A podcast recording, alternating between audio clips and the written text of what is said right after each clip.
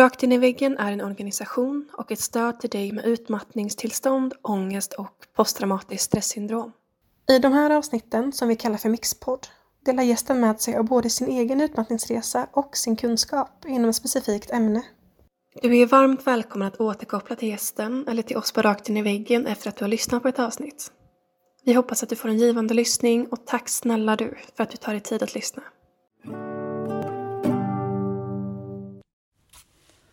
Hej och varmt välkomna till detta poddavsnitt.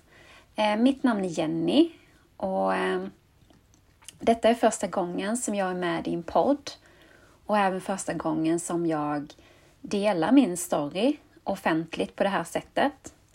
Men eh, jag känner att det är dags nu. Att få dela med mig av min resa. Att få sätta ord på min utmattningsupplevelse. Och ehm, när jag själv var sjukskriven så lyssnade jag ofta på den här podden och det gav mig hopp. Eh, det gav mig igenkänning och var som en eh, mjuk och god snuttefilt i allt det där svåra och tunga. Så eh, därför känns det som en ära för mig att idag få dela med mig av allt som jag har inom mig som, ehm, ja, men som behöver få komma ut nu. Och ehm, du som lyssnar kanske är mitt i en utmattning eller varit nära. Eh, du kanske har kommit ur den eller kanske anhörig till någon som är där just nu eller bara nyfiken på det här ämnet. Och oavsett så ehm, hoppas jag att min berättelse kan ge dig nya perspektiv på stressrelaterad ohälsa och utmattning. Yes, nu drar vi igång. Ehm, jag tänkte börja med att inleda med en eh, kort introduktion om vem som döljer sig bakom den här skånska dialekten. och ehm, Jenny heter jag som sagt och jag är uppvuxen och bosatt i Skåne. Och här bor jag i ett hus eh, ute i naturen Eh, Eh, har naturen runt husknuten, vilket är fantastiskt. Och ehm, här lever jag tillsammans med min man, eh, våra två barn och vår hund. Och ehm, jag utbildar socionom, eh, yogalärare och snart holistisk coach som ehm, drömmer om och är på väg att skapa mitt eget arbetsliv på sikt. Och jag vet idag vad jag vill och vad jag drömmer om. Eh, men jag tar det lite med ro. En fot framför den andra och ehm, har tillit till processen. Jag eh, njuter mer av vägen idag och eh, kanske inte har lika bråttom fram till målet. Och ehm, just nu så lägger jag då mycket tid på studier och studerar holistisk hälsa coachning och spenderar mycket tid med mina barn och min familj och fyller på mitt eh, må bra-konto eh, i, i min vardag då med saker som jag älskar eh, att göra. Och det är att vara i naturen, eh, umgås med ja, mina nära och kära, eh, älskar att läsa böcker, att träna, gärna mysjogga i skogen, yoga, styrketräna, jag mår bra av rörelse. Det, det ger mig glädje. Och um, framförallt så mår min hjärna bra av rörelse. Men jag behöver ju också motpolen.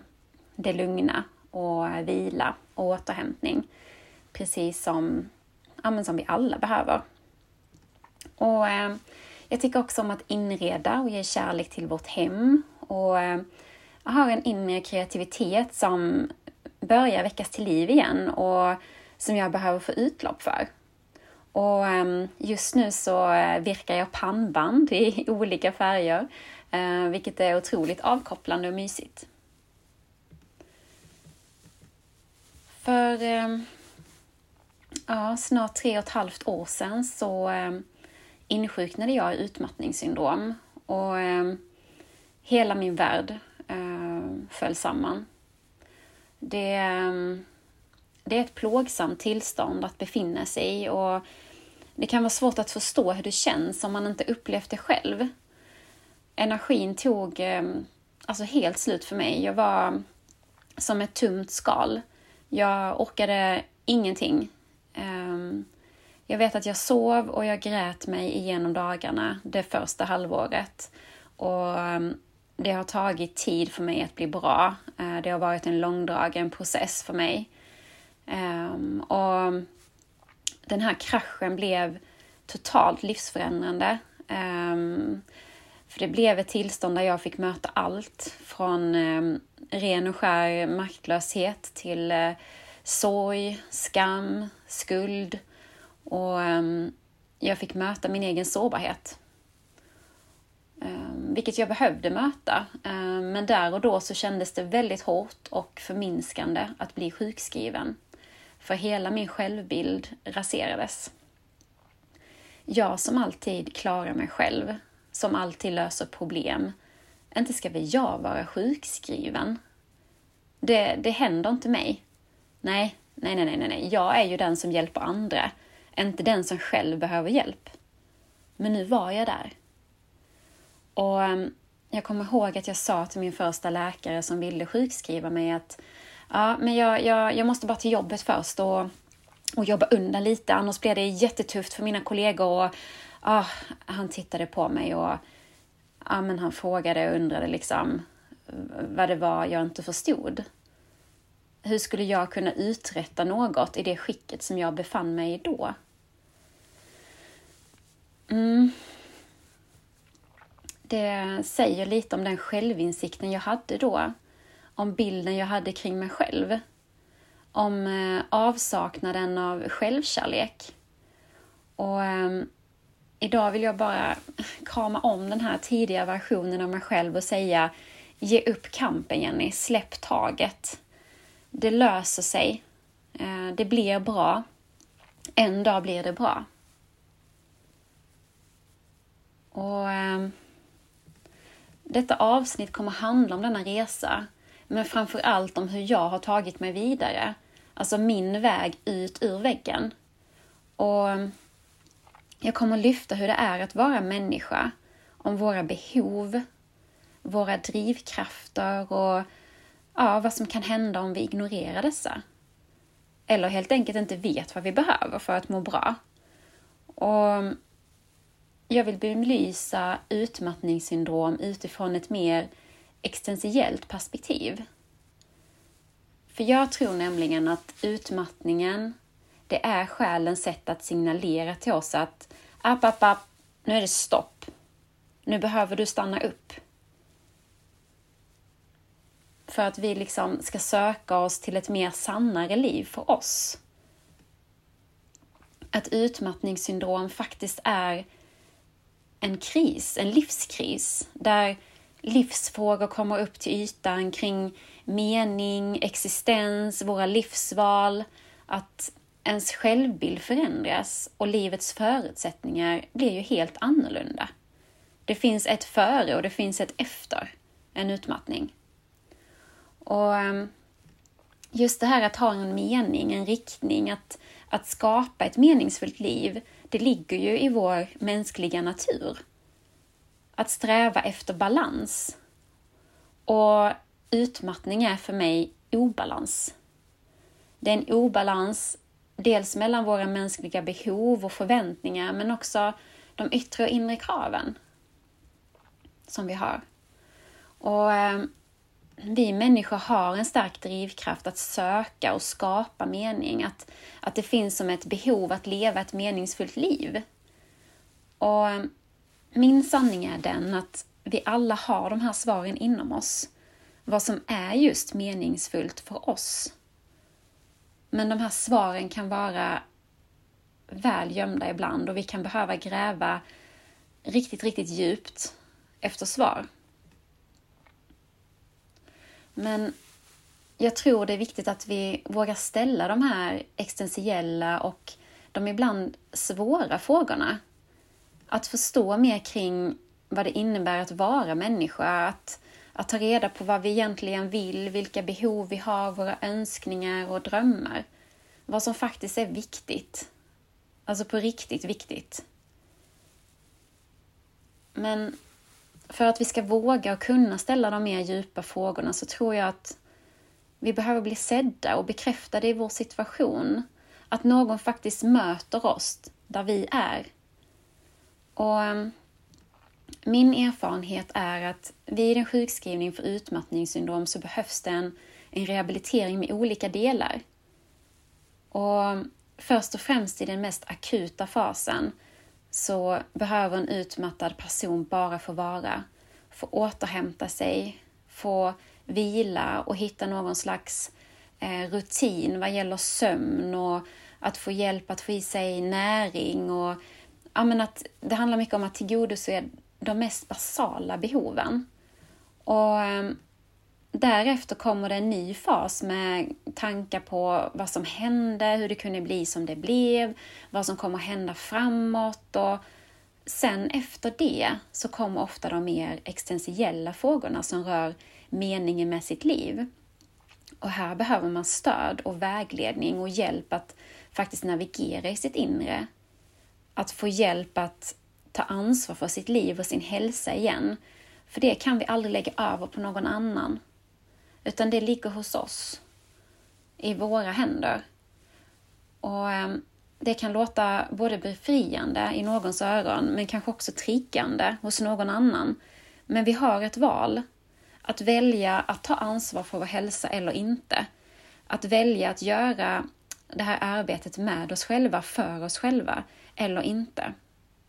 Men eh, den här fasen kommer först när vi återhämtat oss mer och fått mer energi igen. Innan dess är det svårt att arbeta terapeutiskt då hjärnan faktiskt är skadad vid en utmattning och behöver tid att läka.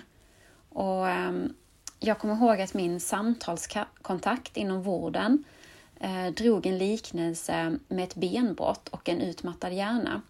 Och hon sa Jenny, du har brutit din hjärna kan man säga.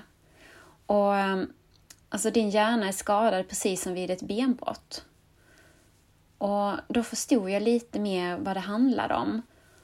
Och jag minns att jag där och då önskade att jag hade brutit benet istället och fick ha gips, för då hade ju människor sett att jag var skadad. Ehm, eller ett stort bandage liksom runt huvudet, för utmattning syns ju inte alltid utanpå. Och ehm, det är viktigt att ha med sig när vi möter människor och vara ödmjuk inför att psykisk ohälsa inte alltid syns. Det kan synas i blicken, i ögonen, ehm, att man är trött, man ser, man ser tom ut, men annars kan vi inte se det. Och ehm, Jag kommer också ihåg att jag fick gå hos en fysioterapeut på grund av eh, ja, men huvudvärk, migrän och spänningar i, i nacke, axlar och käkar. Eh, vilket ofta är områden där stressen eh, sätter sig, där stressen gör sig påmind. Och jag minns att hon frågade mig, Jaha Jenny, vad, vad är din plan framåt nu? Och eh, jag tittade ju på henne med ett stort frågetecken för alltså jag hade ju inte den blekaste aning. Det brast verkligen för mig där och då. Jag vet att jag började storgråta och ja, jag vet inte. Hade jag vetat det så hade jag väl inte varit här, sa jag. Vet du vad jag ska göra? Frågade jag henne. Och um, jag ville att någon skulle tala om för mig, gör si, gör så, att någon annan skulle bestämma vad jag skulle göra. Och um, Detta visar lite hur man kan må i en utmattning. Jag var förvirrad. Jag visste ingenting mer än att jag ville må bra igen, bli fungerande igen. Men jag visste inte hur.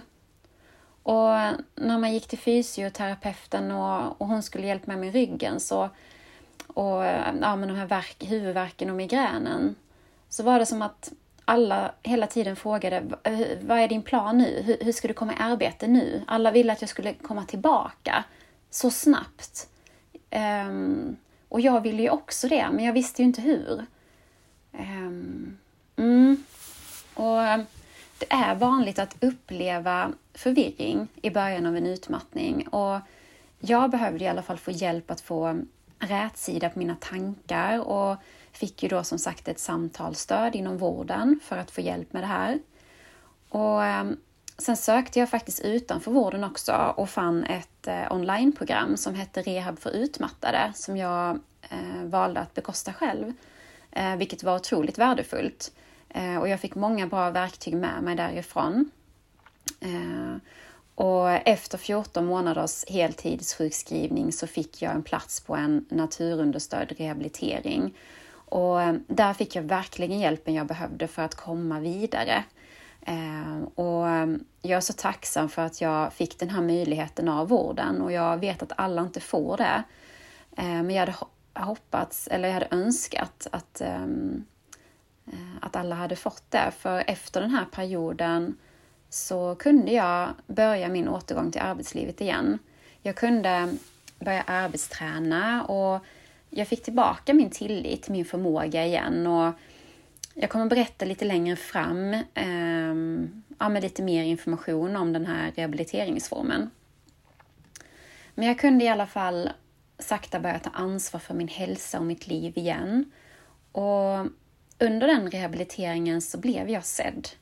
Jag kände gemenskap med andra deltagare och vi kunde samtala om de här mer existentiella frågorna eh, och det var viktigt för mig.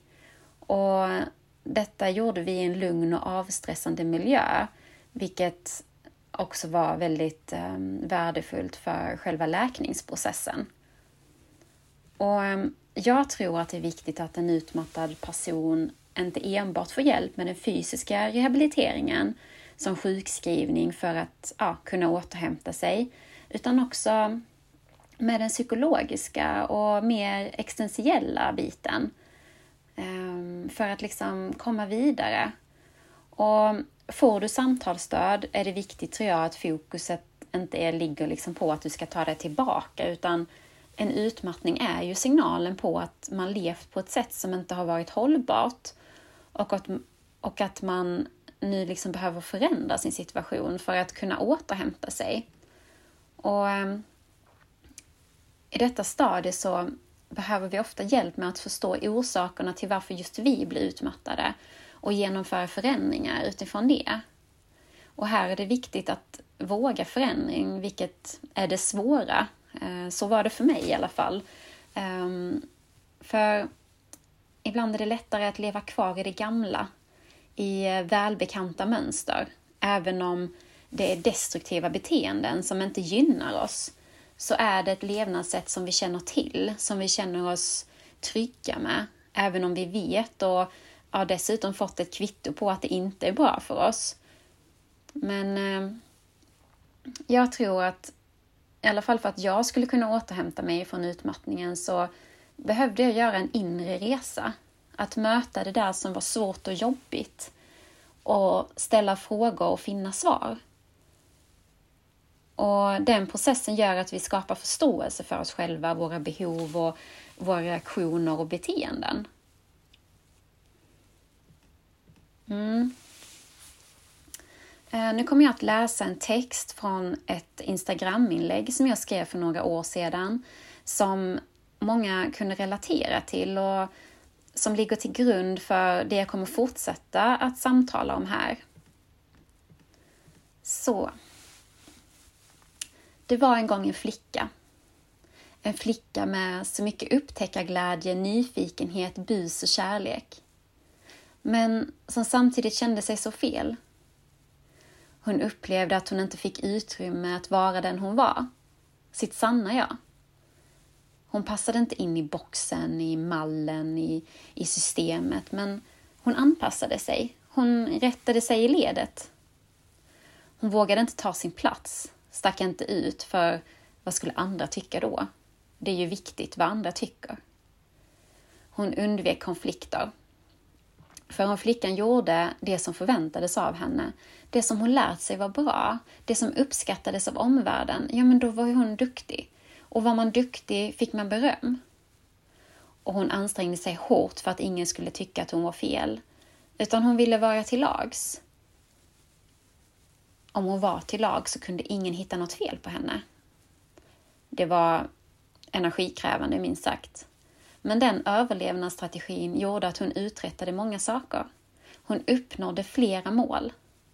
Men inombords så skavde det hon gjorde allt för att dölja det genom att göra mer.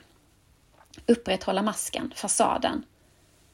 Och det är ehm, väldigt energikrävande och skapar en inre konflikt när vi inte är sanna mot oss själva inuti. Det inre skavet tröttade ut henne och gjorde till slut henne utmattad i vuxen ålder. Korthuset föll. Allt kom upp till ytan. Smärta, sorg, förvirring, utmattning. Hon kunde inte längre springa ifrån sig själv. Hon fick en andra chans att börja om. Och hon lovade sig själv att aldrig låta någon annan bestämma hennes värde. Hon skulle inte bli något, hon var redan. Hon såg sitt eget värde och lovade sig själv att från och med nu gå sin egen väg och följa sin själs röst. Hon insåg att hon inte behövde samhällets godkännande för att leva sin sanning och valde att tro på sin kraft och sina förmågor. Hon ville ju precis som alla andra bara bli accepterad, älskad, bekräftad och sedd för den hon innerst inne var. Inget annat. Det finns plats för alla. Alla kan inte gilla dig, men du kan gilla dig själv. Mm. Jag känner att jag mm, blir rörd när jag läser detta, för detta är det som ligger till grund för att jag till slut hamnar i en utmattning. Och mm, kanske är det fler duktiga flickor och pojkar som känner igen sig där ute, som växt upp i en duktighetskultur. Och jag vill inte på något sätt skylla på någon, för det var en roll jag själv tog på mig, omedvetet. Rollen som den duktiga. En roll som skapas utifrån ett samhälle där allt ska bedömas och betygsättas, där det applåderas till höger och vänster åt det som åt eh, de som åstadkommer mest. Och min åsikt är att det är inte sunt. Och till en början så ville jag gärna skylla min utmattning på enbart jobbet och mitt höga livstempo. Men nu så här i efterhand kan jag se att jobbet bara var den där utlösande faktorn, den där sista puffen som gjorde att jag till slut föll. Sedan kan absolut yttre faktorer som en ja, dålig situation på en arbetsplats eller andra faktorer bidrar till att man blir sjuk. Men min upplevelse är att det är mer komplext än så. För vi människor är komplexa och varje utmattningsresa är unik. Och eh, det kan finnas flera olika saker som tillsammans gör att man till slut kraschlandar. Jag trodde på riktigt att jag var tvungen att berättiga min existens genom att göra saker göra bra saker, göra saker på ett visst sätt så att andra godkände mig. Och det destruktiva mönstret, det, det tog kål på mig. Samtidigt som jag då levde för långt ifrån mina behov och respekterade inte mina gränser. Jag hade inga gränser överhuvudtaget och hade inte koll på mina behov heller om jag ska vara ärlig. Jag styrdes av bruset utanför och lyssnade mer till vad andra tyckte och jag tappade kontakten med mig själv. Jag var liksom rotlös. Och eh, i mitt fall så landade jag till slut i att jag inte kunde gå tillbaka till min arbetsplats, min gamla arbetsplats, utan jag behövde börja om någon annanstans. Och det är också att börja ta steget mot att sätta sig i förarsätet och ta tillbaka makten över sitt liv. Att faktiskt välja att gå vidare om det inte är möjligt att gå tillbaka. Och eh, jag tror att vi som blir utmattade, vi har liksom under en lång, lång, alltså riktigt lång tid kämpat med att förtrycka våra behov för att kunna leva upp både till våra egna men också andras förväntningar. Och oftast sker det helt omedvetet. Och vi lever i ett samhälle där allt går i en väldig fart. Det finns höga krav på prestation, eh, komplexa arbeten som innebär att vi ibland behöver stänga av vårt känsloliv för att kunna leva upp till de här kraven. Men vi är inga maskiner, vi är inga robotar, utan vi är kännande varelser. Och jag stängde själv av, stängde ner, slutade känna och försökte pressa in mig i ett utrymme som inte var för mig. Det kanske var för någon annan, men det var inte för mig. Det gick inte längre. Men det fina är att genom en utmattning kan man återupptäcka sig själv igen och jag tror att vi behöver få vara i vår egen energi för att må bra. Att vi får lov att uttrycka vårt sanna jag och inte trycka ner eller anpassa oss efter det som egentligen inte är sant för oss. Och um, hur gör vi då det? Kanske någon undrar.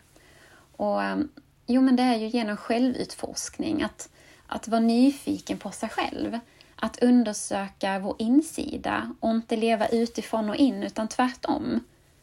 Att bli självmedveten, att, att våga ta sin plats, att våga säga nej, eh, både på arbetet och privat, när vi känner att det är något som skaver och som inte fungerar för oss. Och att börja ställa frågor till sig själv. Vad, vad tycker jag om? Vad tycker jag inte om? Eh, mår jag bra där jag befinner mig idag? Är jag genuint intresserad av det jag ägnar mig åt på dagarna eller vill jag egentligen kanske göra något helt annat? Och vad skulle i så fall det första steget kunna vara för att ta mig i den riktningen som jag önskar? Och för jag tror att så som vi mår på insidan, det påverkar även vår fysiska hälsa. Eller jag tror inte, jag vet det, för jag har upplevt det själv. Att det faktiskt spelar roll och är viktigt att, att trivas med sitt liv, med sin vardag och det man ägnar sig åt på dagarna. Sedan har vi alla olika förutsättningar att förhålla oss till. Ehm, och det, det, är viktigt att ta upp. Ehm, för livet ser olika ut för oss alla. Men utifrån det skapa ett liv som fungerar för oss. Det tror jag på att hälsa är något som vi behöver skapa utefter våra egna förutsättningar. Det finns liksom ingen klar mall Eh, som passar alla, utan vi behöver hitta det som passar för oss. Och ehm, Utmattningen förändrade verkligen mig. Jag vaknade upp och ser min verklighet idag med helt andra färger. Och jag vet att jag tänkte när jag låg där på botten i mörkret och Alltså jag mådde så dåligt så att jag, ja, jag kan knappt sätta ord på det. Men i alla fall när jag låg där så tänkte jag att blir jag frisk en dag så ska jag banne mig njuta mer av livet. Att leva mitt liv medan jag är vid liv. Att faktiskt kunna bidra till andra människor. Att inspirera människor att bli nyfikna på sig själva att hitta hem till sig själva så att de kan hitta sin unika väg att vandra på. Och där är jag nu. Och eh, runt min hals så hänger det ett smycke. Livets träd. Som för mig representerar den här livskraften som vi har i oss. Den kraft som hjälpt mig att resa mig upp igen. Och det viktigaste som jag tror att vi kan göra för vår hälsa, det är att ta hand om och förstå vad som pågår här inuti oss. Vårt inre liv. Så ehm, jag tänkte nu dela med mig av tio värdefulla nycklar som hjälpt mig i min läkning och i min rehabilitering mot ett friskare liv och ja, men som varit viktiga eh, pusselbitar för min väg ut ur väggen. Och kanske kan dessa nycklar även bidra och vara värdefulla för dig som lyssnar. Och ehm, fastnar du för någonting så ta med dig det som resonerar med dig och släpp det som inte gör det. För det finns så himla mycket information i omlopp idag och jag tror att det är viktigt att även där eh, känna in och sortera vad som är rätt och vad som resonerar för en själv. Så eh, min första nyckel är att våga ta emot hjälp. Och eh, jag hade svårt att ta emot hjälp. Jag var så van vid att klara mig själv, att lösa allting själv. Så det var faktiskt svårt till en början att släppa in någon, att lita på någon, att känna tillit till människor i vården. Att de faktiskt ville hjälpa mig. Och eh, det tog ett tag, men jag behövde hjälp med att ta itu med min ryggsäck och mina sår som vi alla har och bär på. Och eh, där finns det ingen quick fix utan det handlar om ett djupgående och långsiktigt arbete och att inte fly eh, från det. Eh, vilket är vanligt att vi gör. Det kan vara genom alkohol, shopping, träning, att överarbeta och så vidare. Och jag flydde personligen in i ett konstant görande. Eh, och det är något jag behöver vara vaksam över, för det är min akilleshäl, att hålla mig sysselsatt. För håller jag mig sysselsatt så, ja, då är det inte lätt att känna någonting överhuvudtaget, utan då håller man liksom det här tempot. Um, mm. Men är det bättre hälsa vi vill ha så behöver vi ta det personliga ansvaret och börja göra jobbet med oss själva. Och eh, Det kan låta hårt, det kan låta triggande, som jag sa innan, för någon. Och eh, Det gjorde det även för mig. Men för mig var det viktigt att vrida och vända på alla stenar. Och eh, En psykolog, terapeut, kurator eller coach kan vara värdefullt i arbetet med att ta reda på och kartlägga vad orsakerna bakom just din utmattning är. Och Ofta är det komplext och kan bero på ja, men olika saker. Det kan vara jobbstress, emotionell stress, eh, obalanserade relationer och näringsbrister och annat. Och det kan finnas bakomliggande mönster som rädsla för att bli avvisad, att inte räcka till. Men att se över sitt liv utifrån ett holistiskt perspektiv har verkligen hjälpt mig.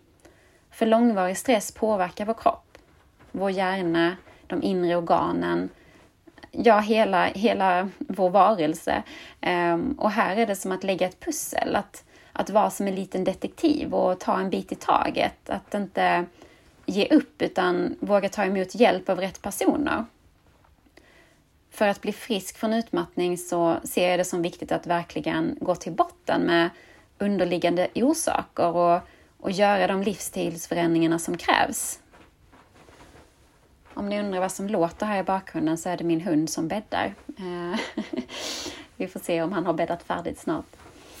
Eh, nyckel nummer två det är att bjuda in stillhet. Att lära sig att vara ensam med sig själv. För det är då vi har möjligheten att komma i kontakt med våra känslor och behov. Och eh, för mig kan det vara att sitta i kökssoffan och inte göra någonting i fem minuter. Eller ute på en stubbe i skogen. Och I början kan det kännas ovant, det kan liksom klia i hela kroppen. Men att då öva sig i att möta sin rastlöshet och även om det känns smärtsamt till en början så blir det bättre med övning. Och faktiskt med tiden kan det bli riktigt trevligt. Vi eh, behöver ge oss tid och utrymme för att känna in och tänka över vad som är vår riktning och att bli bekväm med att vara i stillhet. Att våga se det som pågår istället för att fly.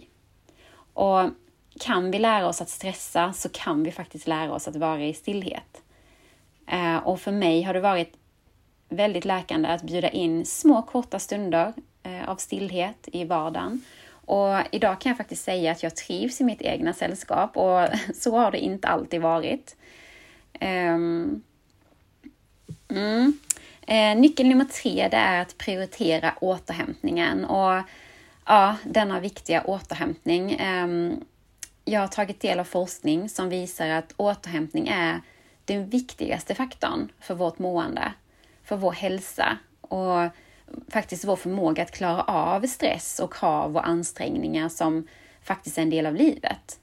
Och ehm, det är inte stressen i sig som gör oss sjuka sägs det, utan att det är just bristen på återhämtning. Och ehm, vad som är återhämtande, det är ju olika från person till person. Så här får man ju prova sig fram. Men detta är en viktig nyckel, att verkligen se till att återhämta sig dagligen och inte intala sig att ja, men jag tar det sen, jag tar det nästa helg, eh, nästa år, på semestern, eh, när jag går i pension. Eh, nej, men skämt åsido så är det en regelbundenhet som vi behöver ha här. Och återhämtning ger oss en skön och god känsla och vi laddar våra batterier. Och det kan vara svårt och utmanande att ta sig utrymme för återhämtning, speciellt i ett arbetsliv och ett samhälle som uppmanar till ständig aktivitet. Men här tror jag bara att vi behöver vara modiga och att vara medskapare till någonting annat. Att faktiskt stå upp för våra behov. För långvarig stress skadar vår hjärna. Men det positiva är att vi får, men får vi liksom till återhämtningen så finns det möjlighet att de här skadorna kan läka. Och ehm, här är ju naturen eh, otroligt återhämtande för mig.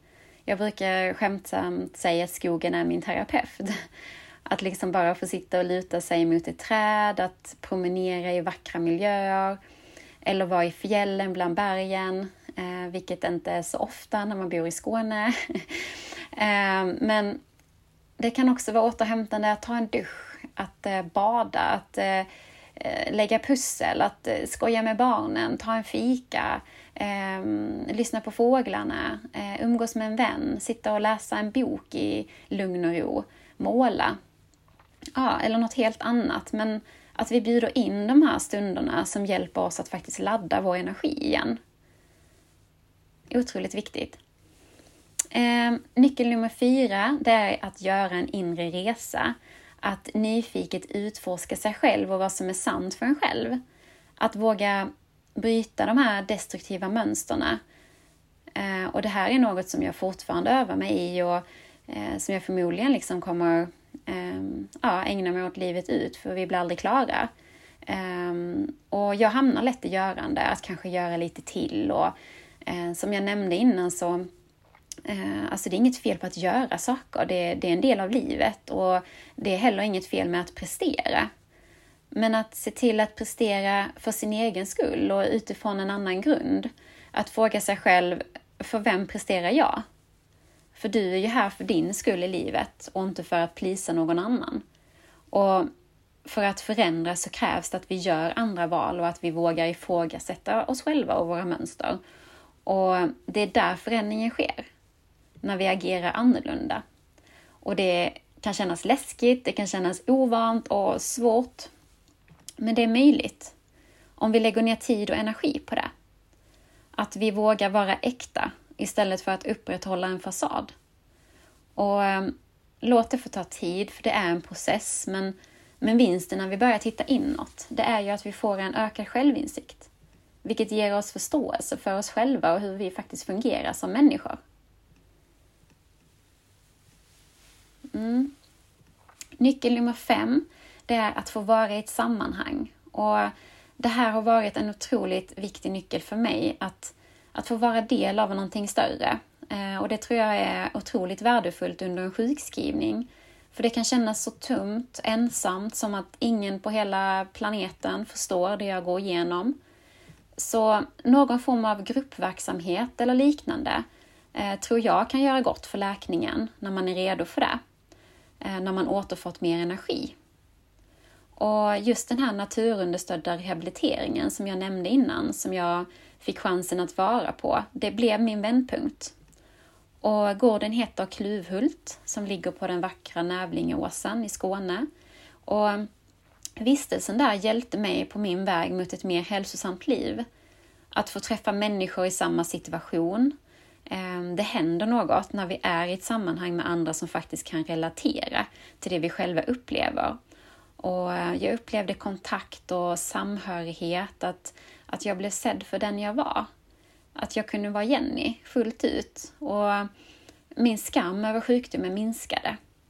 Och jag kommer ihåg ett tillfälle när föreståndaren sa till mig när jag gick och bokstavligen liksom tryckte ut mig mot skogen under en promenad på en snårig stig. För jag ville så gärna att de andra skulle ta sin plats och få gå före. Och då sa hon till mig, eh, ta din plats Jenny.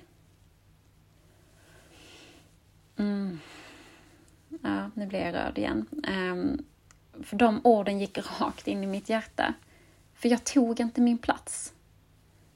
Men det finns plats till oss alla. Och jag tar ingens plats för att jag tar min plats.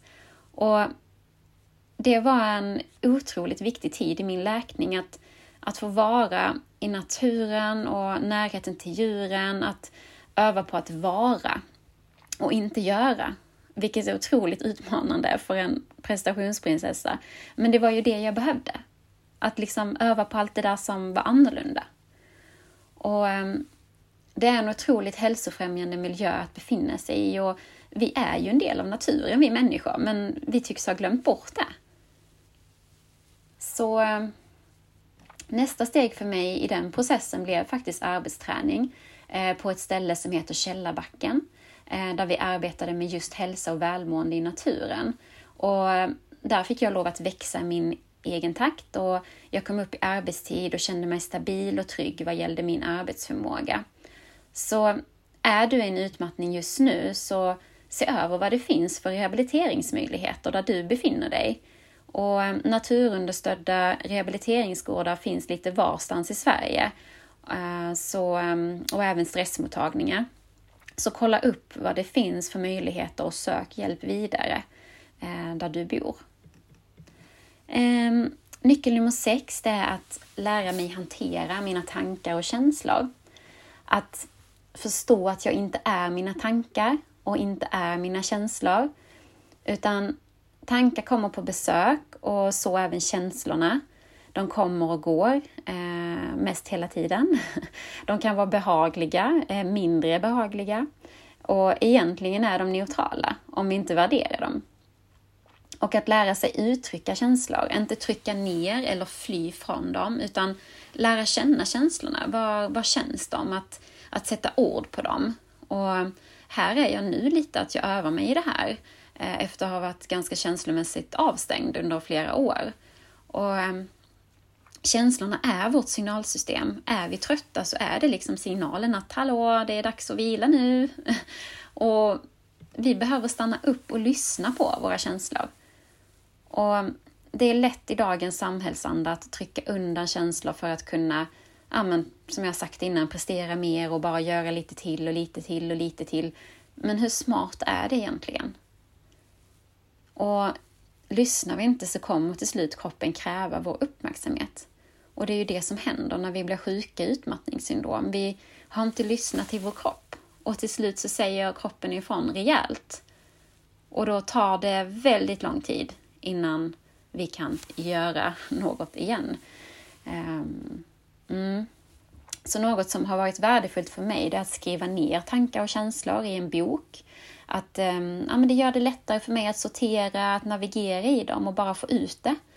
Och um, att få utlopp för dem tror jag är viktigt. Att ja, men ut och skrika Ronja Rövardotter-skriket i skogen eller eh, slå i en kudde eller varför inte um, gå in på toa som jag brukar göra, så här tyst skrika och göra fula grimaser när jag känner behov av det. Just för att liksom, alltså det här kan ju låta helt skogstokigt för någon, men vi behöver få utlopp för det vi känner.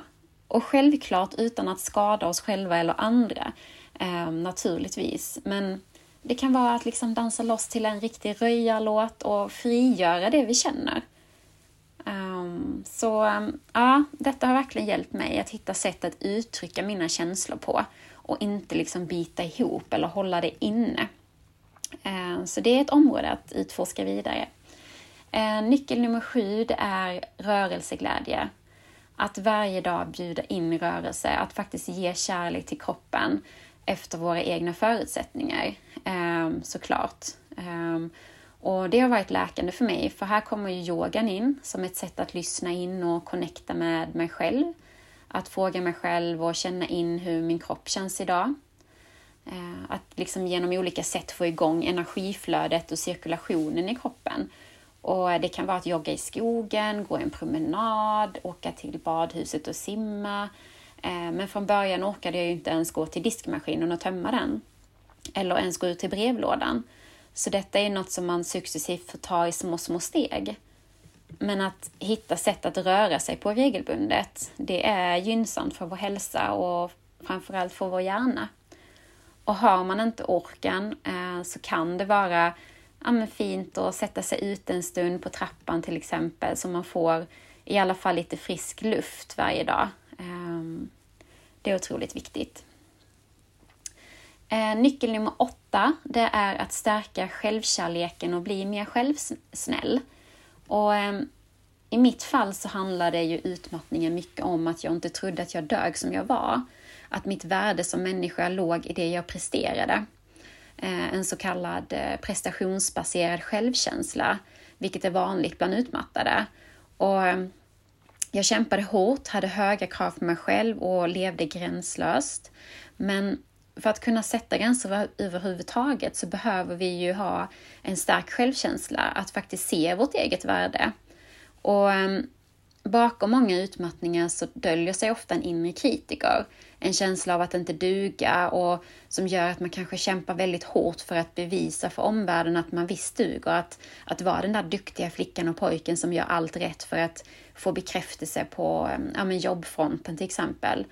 Och ehm, här behövde jag göra upp med den här inre slavdrivaren och, och läka mina inre sår. Så utmattningen blev ju här min chans att börja om. Att jag faktiskt visste duger som jag är, precis som du duger som du är. Och att öva på att stötta och vara snälla mot oss själva. För det är faktiskt oss själva vi ska leva med hela livet. Alltså det är ju den viktigaste relationen att vårda, den till oss själva. Och um, att stärka självkänslan och agera mer självsnällt, det är ju något vi får öva på livet ut. Eh, för vi blir aldrig klara med det, utan det, ja, vi har tid på oss. Ehm, mm. Och nyckel nummer nio är tacksamhet. Och eh, det jag har gått igenom med utmattningen har verkligen gett mig en stor lärdom. Och det är att ta emot livet på, på det allra finaste, mjukaste sättet som går. Att faktiskt vara tacksam för det som fungerar och det som är bra. Att lägga mitt fokus där. Eh, för det finns så många saker i vår vardag att vara tacksam för och känna liksom tacksamhet för, ja men det kan vara morgonkaffet, för att vi har vatten i kranen, vi har mat på bordet, för att barnen är friska idag, för att eh, bilen fungerar så jag kan köra till jobbet, för att, ja, eh, det finns så mycket och det här har fullkomligt liksom förändrat mitt synsätt i vardagen. Och eh, livet är ju inte happy clappy alltid och det bjuds på ja, bergsmackor, ursäkta, men lite varstans. Men det finns alltid skatter att finna om vi väljer att liksom rikta vårt fokus där. Att se de där små um, ögonblicken som faktiskt kan göra att, um, att vi ser liksom um, tacksamhet runt omkring oss. Mm, det har gjort skillnad för mig. Och ehm, Den sista nyckeln, nummer 10, det är andningsträning. Och det kan ju låta lite så här, ja men andas gör vi ju naturligt, det sköter kroppen själv. Eh, och det gör den, vilket är fantastiskt. Men det är vanligt att man har spänningar och att andningen är ansträngd vid stress och eh, utmattning. Att man liksom håller andan inne eller att andningen är koncentrerad väldigt högt upp i bröstet och att våra andetag är ja, men, korta, eh, ansträngda och det kan nästan kännas omöjligt att ta ett djupt andetag. Och eh, Det har hjälpt mig att lära mig att djupandas ordentligt, att få kontakt med mitt andetag igen. Och eh, För kan vi ta djupa, långa andetag så lugnar vi ner vårt nervsystem och vår kropp blir lugn och det hjälper ju oss att släppa på spänningar och stress och ja, vår cirkulation, eh, blodcirkulation ökar ju i vår kropp. Så så fort jag känner att pulsen skenar så brukar jag stanna upp och ta ja, men tre mjuka liksom, medvetna andetag och, och landa lite, kanske rulla axlarna lite bakåt och slappna av lite i käkarna. Och, och jag tycker att det gör skillnad för mig. Mm. Detta var mina tio nycklar som hjälpt mig och det finns så mycket mer att säga om utmattning och min väg ut ur väggen. Men allt som jag har pratat om idag har på olika sätt läkt mig och bidragit till att jag idag lever ett gott och fungerande liv igen. Och ska jag tillägga något så har det också varit fint att bjuda in humor och skapa lite självdistans åt alla tokigheter som eh, jag har ställt till med under den här läkningsprocessen. Ja, men ibland bara få skratta åt eländet och skratt och glädje är ju också läkande i sig. Men eh, nu har det faktiskt blivit dags att avrunda och komma till någon slags eh, summering. Och idag är jag inom situationstecken frisk och mår bra. Och jag tror att de flesta kan bli bra från utmattningstillstånd. Även om det kan ta år och det kan vara en kämpig väg med många fartgupp eh, längs vägen. Men skapas rätt förutsättningar för individen att läka så tror jag att det är möjligt. Och ehm, Utmattningssyndrom är ett problem som faktiskt angår hela vårt samhälle, alla företag, organisationer och den enskilda individen. Och jag tror att vi tillsammans behöver ja, skapa något mer hållbart, eh, där tempot är hållbart, där människor faktiskt mår bra och känner sig tillräckliga och resursstarka. Och jag känner att rebellen i mig vaknar till liv när, vi prat, när jag pratar om det här, för att vi behöver förändring. Eh, och inte bara för vår skull, men för våra barns skull och kommande generationer. För det kryper ner i åldrarna. Och ehm, jag hoppas att detta avsnitt kan bidra till någon där ute, att, att mina ord kan ge hopp om att det kan bli bättre, att det kommer bli bättre. Och ehm, nu så här i efterhand så ser jag utmattningssyndrom som en möjlighet som faktiskt kan leda oss tillbaka hem. Ja, men hem till oss själva och, och till ett värdigt liv. Att, att vara i kontakt med sig själv igen och återta makten över sitt liv. Att lära känna och acceptera sig själv. Att, att vi inte är ett projekt som ska fixas utan snarare skala av allt det där vi inte är så att vi kan vara just de vi är. Och eh, det kan endast göras genom självreflektion som ger oss insikter kring vilka vi är och vad vi innerst inne längtar efter. Eh, men som inte kommer från enbart vårt huvud utan faktiskt också från vårt hjärta. Och eh, det tar tid att återhämta sig från en utmattning och det kan finnas bestående symptom kvar. Eh, som för mig har jag ett mer reaktivt stresssystem och min hjärna är lite all over the place. Eh, en popcornhjärna brukar jag säga. Eh, som dagligen kräver en tydlig struktur och rutiner för att må bra. Men jag tänker inte låta det stoppa mig från att leva, från att nå mina drömmar, utan jag anpassar mitt liv idag efter min hälsa och min energinivå. Och ehm, är noga med min återhämtning och jag är också mer ödmjuk för livet och vet att saker sker som vi inte kan räkna ut på förhand, som vi inte kan kontrollera. Och att vissa saker behöver vi acceptera även om vi inte alltid gillar det. Och ehm, det var först när jag gav upp kampen, när jag slutade kriga mot mig själv och bjöd in mer mjukhet som jag kunde landa. Det var liksom när jag accepterade min situation som utmattad som min läkningsprocess kunde starta.